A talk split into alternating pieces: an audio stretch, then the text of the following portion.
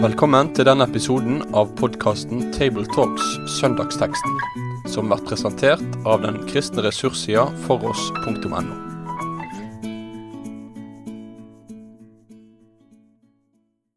Vel møtt til eh, Tabletalks og samtale over søndagens tekst. og Nå har vi kommet til annen søndag i advent, og vi skal lese fra Lukas 21. Eh, det er Svein Granerud, Egil Sjåstad og jeg, Asbjørn Kvalbein, som er i studio. Og dere må gjerne slå opp, dere som hører, på Lukas 21, vers 27 og framover. Da skal de se Menneskesønnen komme i skyen med kraft og stor herlighet. Men når dette begynner å skje, da rett dere opp og løft hodet, for deres forløsning stunder til. Og han sa en lignelse til dem, se på fikentreet og alle trær. Så snart de springer ut, og dere ser det, da vet dere av dere selv at sommeren er nær. Slik skal dere også, når dere ser disse ting skje, vite at Guds rike er nær. Sannelig sier jeg dere, denne slekt skal slett ikke få gå før det er skjedd alt sammen. Himmel og jord skal få gå, men mine ord skal slett ikke forgå. Våk hver tid og stund, eh, står det i overskrift til neste avsnitt. Men ta dere i vare, så ikke deres hjerte tynges av rus og svir og timelige bekymringer, så den dagen skulle komme uventet over dere, som en snare, for den skal komme over alle dem som bor over hele jorden. Men våk hver tid og stund, og be at dere må bli aktet verdige til å unnfly alt dette som skal komme, og til å bli stående for menneskesønnen. Det er en lang og sammensatt tekst med mange motiver her. Hva, hva vil du, Egil, begynne med å peke på her, som eh, du merker deg når du leser det? Det kan jo være lurt å se litt på den store sammenhengen teksten står i. da. For foran her så er det snakk om endetida. Og det er en hel del konkrete trekk ved endetida som løftes fram. Og så kommer dette da som en slags klimaks av det hele. I, i Matteus 24 det vel, så har vi en parallelltekst som, som, sier mye av det samme, med varsler i naturen, jordskjelv og hunger osv., og, så videre, og i historien, og i menigheten med forfølgelse, forførelse og lovløshet. Og alt dette ligger der som et slags bakteppe for den teksten her, da. Hva slår deg, Svein, i møte med teksten? Nei, det er jo Lukas som har eh, sitt avsnitt om eh, Jesu tale om det som ligger foran. Det har jo også både Matteus, ikke minst, men også Markus. Så før disse tre synoptiske evangelistene går inn i lidelseshistorien, så lar det Jesus komme til orde med undervisning om det som, det som skal skje. Så, mm, og det er jo sterke ting. Uh, når predikanten i meg ser det, så tenker jeg at her, her, vil jeg i hvert fall løfte fram veldig tidlig at midt i alt det som løftes opp av dramatiske ting, så er det et framtidsperspektiv. Jesus ser framover. Poenget er på en måte ikke først og fremst å dramatisere enkeltbegivenheter, men å sette dem inn i en sammenheng hvor Jesus ser framover, uh, og hvor det ligger både håp, men også mulighet til å miste håpet. Uh, og så har jo nok jeg de senere årene vært litt opptatt av å minne folk om at historien den er ut fra Bibelen ikke et hjul som gjentar seg.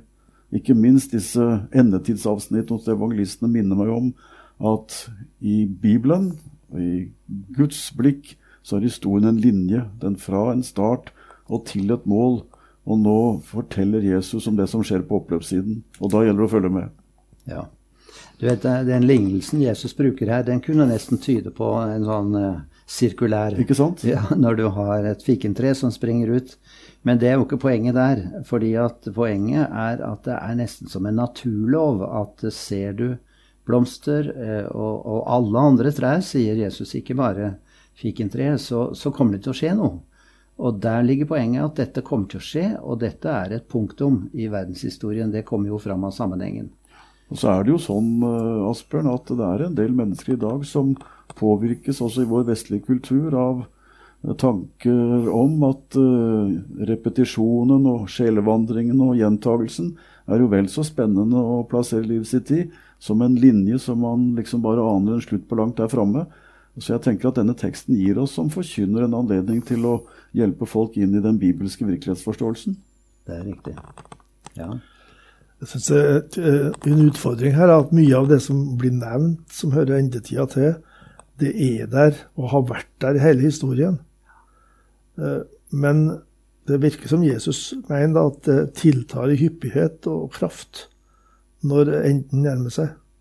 Jordskjelv og hungersnød og krig og rykter om krig og vranglære osv. Alt dette har vært gjennom historien. Men, men, vi skal da tenke som kristne at dette peker framover mot uh, en dag da det er slutt, og en dag da alt blir nytt. Så da kan vi løfte hodet midt i krisene, da. Alle kristne som har levd til denne tid, har jo unngått denne avslutningen. Så de fleste av oss vil jo finne at det, relevansen i våre liv på dette er å være våkne i forhold til at vi selv skal gå bort fra denne verden og, og dø. Eh, men nå er vi jo i det perspektivet at vi skal se fram mot endetiden og, og Kristi gjenkomst. Og hvis vi tar noen detaljer i teksten her, så tenker jeg på det at Jesus gikk jo til forlot denne jorden og ble borte ved at en sky tok ham bort fra deres øyne. Og så står det nettopp i vers 27 at han skal komme i skyen. Uh, igjen, altså det betyr at det her er en sammenheng og med kraft og stor herlighet. Og det syns jeg også skinner igjennom her i teksten. En veldig autoritet fra Jesus side. Uh, uh, og midtpunktet i teksten er jo dette sterke vers 33. Himmel og jord skal få gå, men mine ord skal slett ikke få gå. Altså, Jesu ord er eh, sikrere enn selve skapningen og det, det som vi ser omkring oss. Så eh, det er stor kraft over disse ordene. Og samtidig så, og det blir ikke mindre kraftfullt hvis vi tar det inn i den adventssammenhengen som uh, både de fleste bibellesere og mange som hører forkynnelse, er i. For da har man jo lært at advent det betyr komme. Og så tenker man for det første på jul, ikke sant, som ligger nær forestående. Og så eh, tenker man på Jesus som ble født, eh, og julefortellingen, som også hadde sin forhistorie. Den hadde sin advent, den også.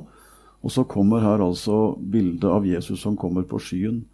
Og jeg syns det er fint å kontrastere, altså sette opp mot hverandre. Ikke som motsetninger, men som, som uh, to hovedpunkter i frelseshistorien.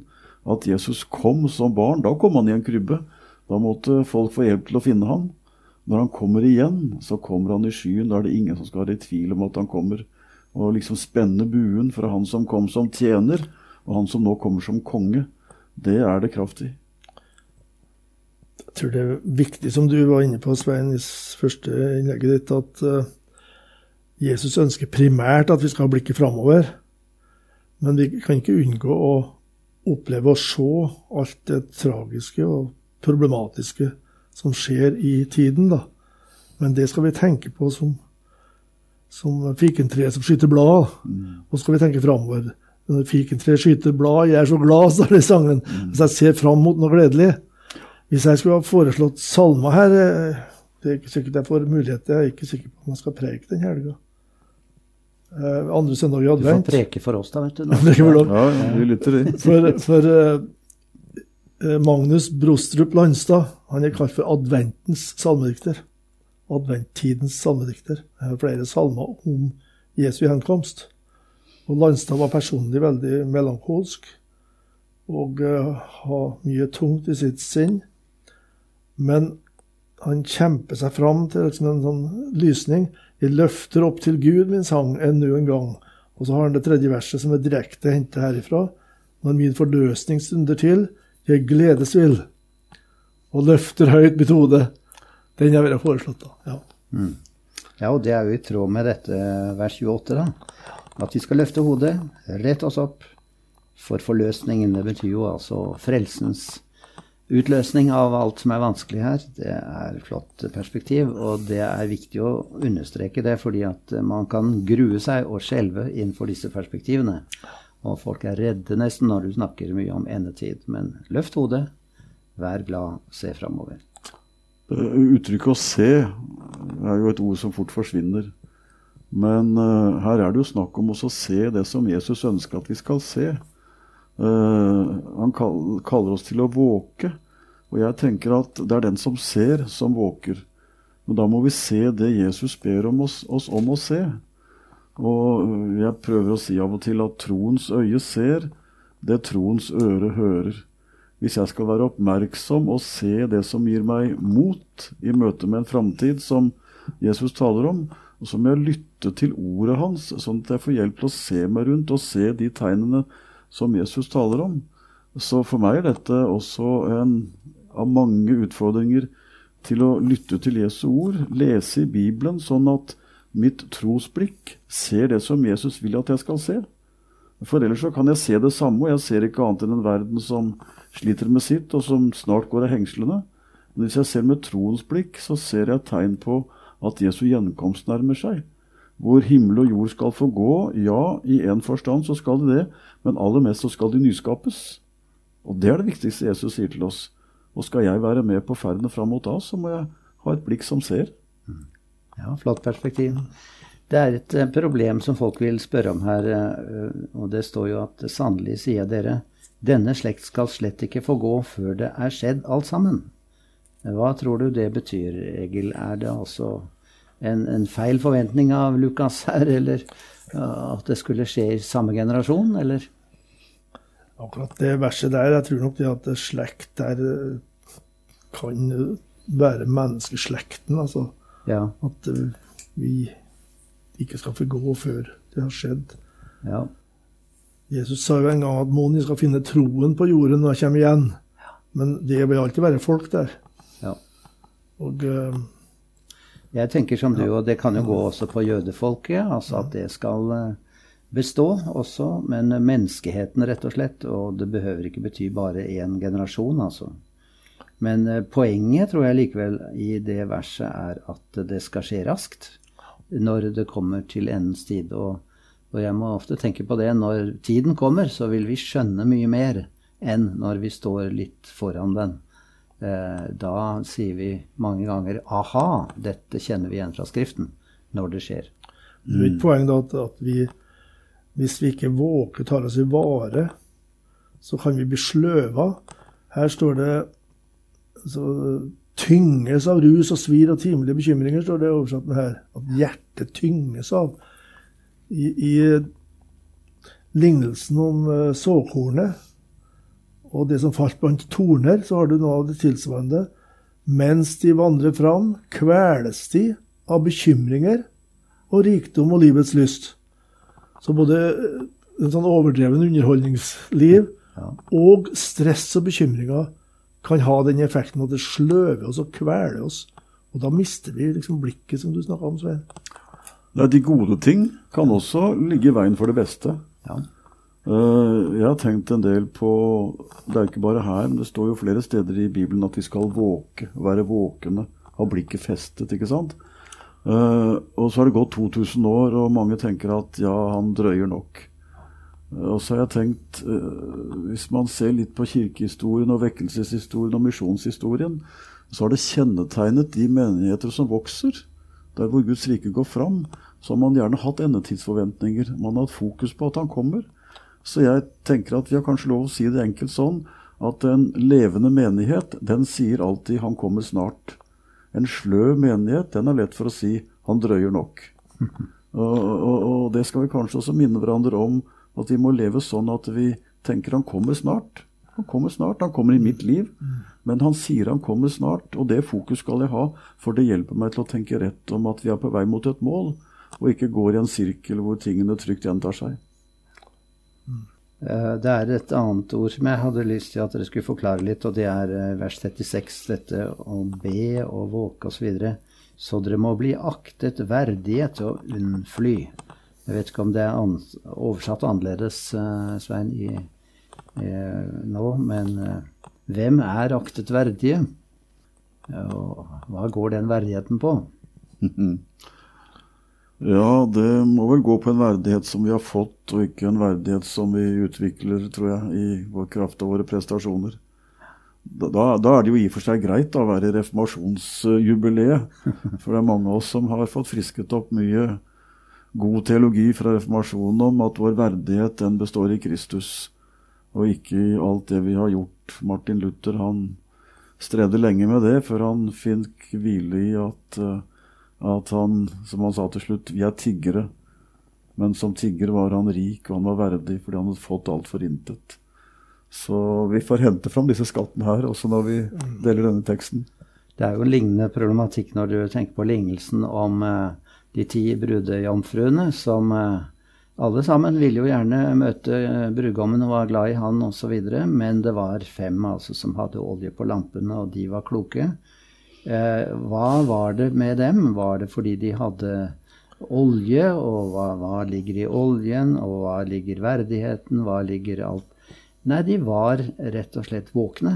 Det var poenget. Hele lignelsen eh, peker i retning av våkenhet. Og den som er våken og venter på Jesus, er verdig. Sånn tenker jeg meg og jeg skal si det. Og den som er våken, har blikket festet på Jesus? Ja, akkurat. Det er jeg helt uh, enig i. Men det ligger det der alvoret i det, at, at bekymringer, ja. tidens press, alt det som vi blir opptatt av vi må, vi må, vekkes opp av det om igjen og om igjen. Eh, jeg husker gamle predikanter som jeg husker fra jeg var ung, taler om å leve i vekkelsen. Altså at, at, vekkelsen må inn i våre liv om igjen og om igjen. Så at vi kan ha festa blikket på, på, Jesus. da. Ja, og Luther, som vi nevnte, han talte om den daglige omvendelse. Mm. Og Det er ikke en omvendelse fra å være utenfor til å være innenfor, men det er på stadig nytt på ny å vende blikket mot Jesus og han vil gjøre korsets tegn hver morgen og bekjenne at 'jeg hører deg til i dag'. Alle vi tre reiser jo en del og preker, og jeg merker jo jeg, som kanskje dere også gjør, at bekymringene for de i og for seg greie ting, men også for de tunge ting, de, de tar tid og krefter hos folk. Sånn at det, det, er, det, er, mange ting som konkurrerer om tanke og oppmerksomhet og om blikket. Ja, vi kan snakke om oss sjøl de gode tingene ofte slår over i det motsatte. Og det der eh, at vi skal vise omsorg og være opptatt og engasjert av gode ting, det er jo fint, men det slår fort over at vi er bekymret. Vi tenker på våre nærmeste vi tenker på, og der er det jo veldig fort å bli bekymra istedenfor bare å vise omsorg. Mm. Men å kaste det over på Herren. Så det er bekymringer, men det er jo så veldig talende. Det rus, det er jo naturligvis alkohol og stoffmisbruk, men det er mer enn det. Altså, det går an å bli beruset av eh, tanker, hobbyer, av eh, ideologier i tiden. Um, jeg tenker på nå er det liksom en sånn veldig markant strømning at man skal ikke spise kjøtt lenger, man skal bli vegetarianer. og Altså en hel ideologi. Og tilsvarende ideologier som feminisme og osv. Du får det inn. Det blir beruselse. Og som du sier, dette med svir betyr jo en sånn overdriven festing, vel, og at det kommer ut av kontroll, underholdningsverdenen som styrer oss, og timelige bekymringer, som det er sagt, altså bekymring for det vi trenger i det lokale. Det er mulig å snakke mye om dette her, slik at vi vekkes. Også er det mulig å finne fram sanger av Lina Sandel. Flott. For hun har så ofte må kjempa mye med bekymringer sjøl. Og så kommer hun fram til den tryggheten om igjen om igjen. Blott en dag, et øyeblikk sender. Ingen er så trygg i fare. Bre dina vida vinger og Jesus over meg. Det er en sånn trygghet. Og det er en tilkjempa trygghet. En har møtt det i Guds ord og lært å kjenne Jesus også. Og Gud som far. Og da kan jeg være trygg, så jeg kan legge bekymringene over på Herren. Om igjen og om igjen. Ja, for dette tenker jeg har også noe med, med å se å gjøre. For det går an å kjempe mot bekymringer på to måter. Og Den ene er å fokusere på bekymringene og ta dem for seg og slåss mot dem. og sånn. Det kan være som å slåss med feieren, for jo mer vi er opptatt av det, jo mer slitsomt blir det. Så jeg tenker at Samtidig som vi setter navn på dem, som vi bør gjøre, og som jeg syns Asbjørn gjorde på en god måte, så må vi øve oss først og fremst i å høre og lytte mye til Jesus. Fordi det er da bekymringene kommer i dette perspektivet. Hvis kampen mot bekymringer blir å ha fokus på dem, så kan den kampen ende med tap. Men med å ha blikket på Jesus, høre evangeliet om igjen og om igjen, si meg det gamle budskap, jeg glemmer det så lett.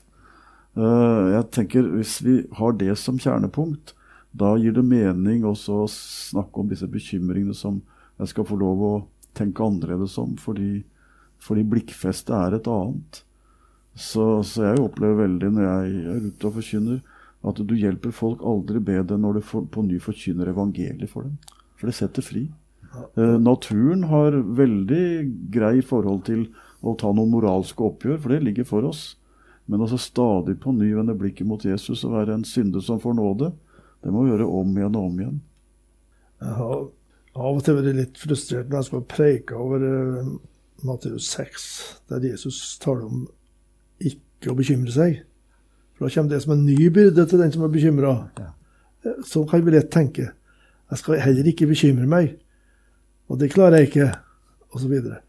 Men, men tråden i den teksten det For din himmelske far vet, din himmelske far ser, din himmelske far kjenner. Uh, altså løfte blikket mot uh, Faderens omsorg, og egentlig da først og fremst omsorgen som han møter oss med gjennom Jesus så blir det liksom uh, lyskasteren inn i bekymringen, og da får blikket det feste. Det har noe med det som jeg liker å kalle den evangeliske rekkefølge. Mm. Og Det er ikke mer enn to saker, men det gjelder å få dem på rett plass. Uh, Maria og Martha, disse to søstrene, de demonstrerer jo det for oss ganske ufrivillig, sikkert, men det står der. Uh, Mar Maria valgte først å lytte før hun tok tak i det som skulle vært gjort. Og så var Marthas bekymringer at uh, gjesten skulle ta svaret på, skulle koke kaffe og finne noe godt til ettermiddagskaffen når Jesus var der. Og så var det en som valgte en annen rekkefølge. Før hun tjente Jesus, så ville hun tjenes av ham. Jeg tenker Det gjelder også i forhold til de andre bekymringene. Den rette rekkefølgen. Nå er jo dette en uh, tekst som er satt opp for adventstiden. Og folk kommer med forventninger om advent og hva de skal tenke. Hvordan er dette relevant i den sammenheng? Har dere tenkt på det? For mange, da, fall tradisjonelt, hadde det vært en sånn travel tid, da, adventstida. Og det er det vel fortsatt, da. Sånn. Eksamenstid og, og uh, mye som skal gjøres til jul. Og.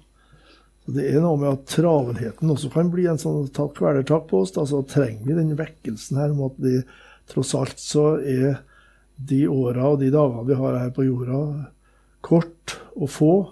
Og vi ser fram til en evighet, for å si det rett ut. Det ja, det tror jeg også er viktig ja. å si. Altså fordi vi blir så opphengt i våre nære ting og bekymringer. F.eks. noen syns jo at dette med julen er så vanskelig med relasjoner. Hvem skal vi feire med, og skal jeg være aleine? Jeg dette er komplisert for noen. Da gjelder det bare å løfte blikket og se at det er noe som er større enn dette. Det er helt sant. Jeg tror jeg i advent veldig gjerne prøver å løfte fram det som jeg nevnte innledningsvis, nemlig disse blikkene framover øh, og vente. Uh, man tenker at advent betyr å vente, og la dem nå tro det, da. Har å vente på Jesus som kommer, uh, og da venter vi på han. Han kommer til jul. Så sier vi litt om det. En kristen julefeiring den kan slite med mange relasjoner, men har du Jesus der, så er det iallfall et blikk på det det dreier seg om. Og så syns jeg det er spennende å grave litt i bibelhistorien og si at de ventet på en konge, de som ventet da også, så de ventet på han. Og så venter vi på at han kommer igjen. Han kommer igjen. Han kommer i livet mitt. Jeg skal dø en gang. Og så kommer han en gang for å gjøre alt nytt. Han kommer på skyen. Sånn at det hjelper folk til å se at her her er det ikke bare ett blikkfeste, men det er flere. Så vi kan se litt framover, sånn som når vi går på fjellet og ser en topp, og så ligger det noen nye bakover. Så kan vi hjelpe folk til å være hverdagsnære i en god juleforventning, og samtidig vite at vi får hjelp til å se framover. Så kanskje vi kan gi dem et blikkfeste. Det ble en fin eh, oppsummering. Da runder vi av med å be sammen. Kjære Jesus, vi takker deg for dine løfter, at du vil virkelig komme igjen, og vi kan tro det er sant, dette, og at vi skal få løfte hodet, løfte blikket mot deg i denne tid. Hjelp oss du til å leve i det og forkynne det på rette måte. I ditt navn. Amen. Med det sier vi takk for følget for denne gang. Finn flere ressurser, og vær gjerne med å støtte oss på foross.no.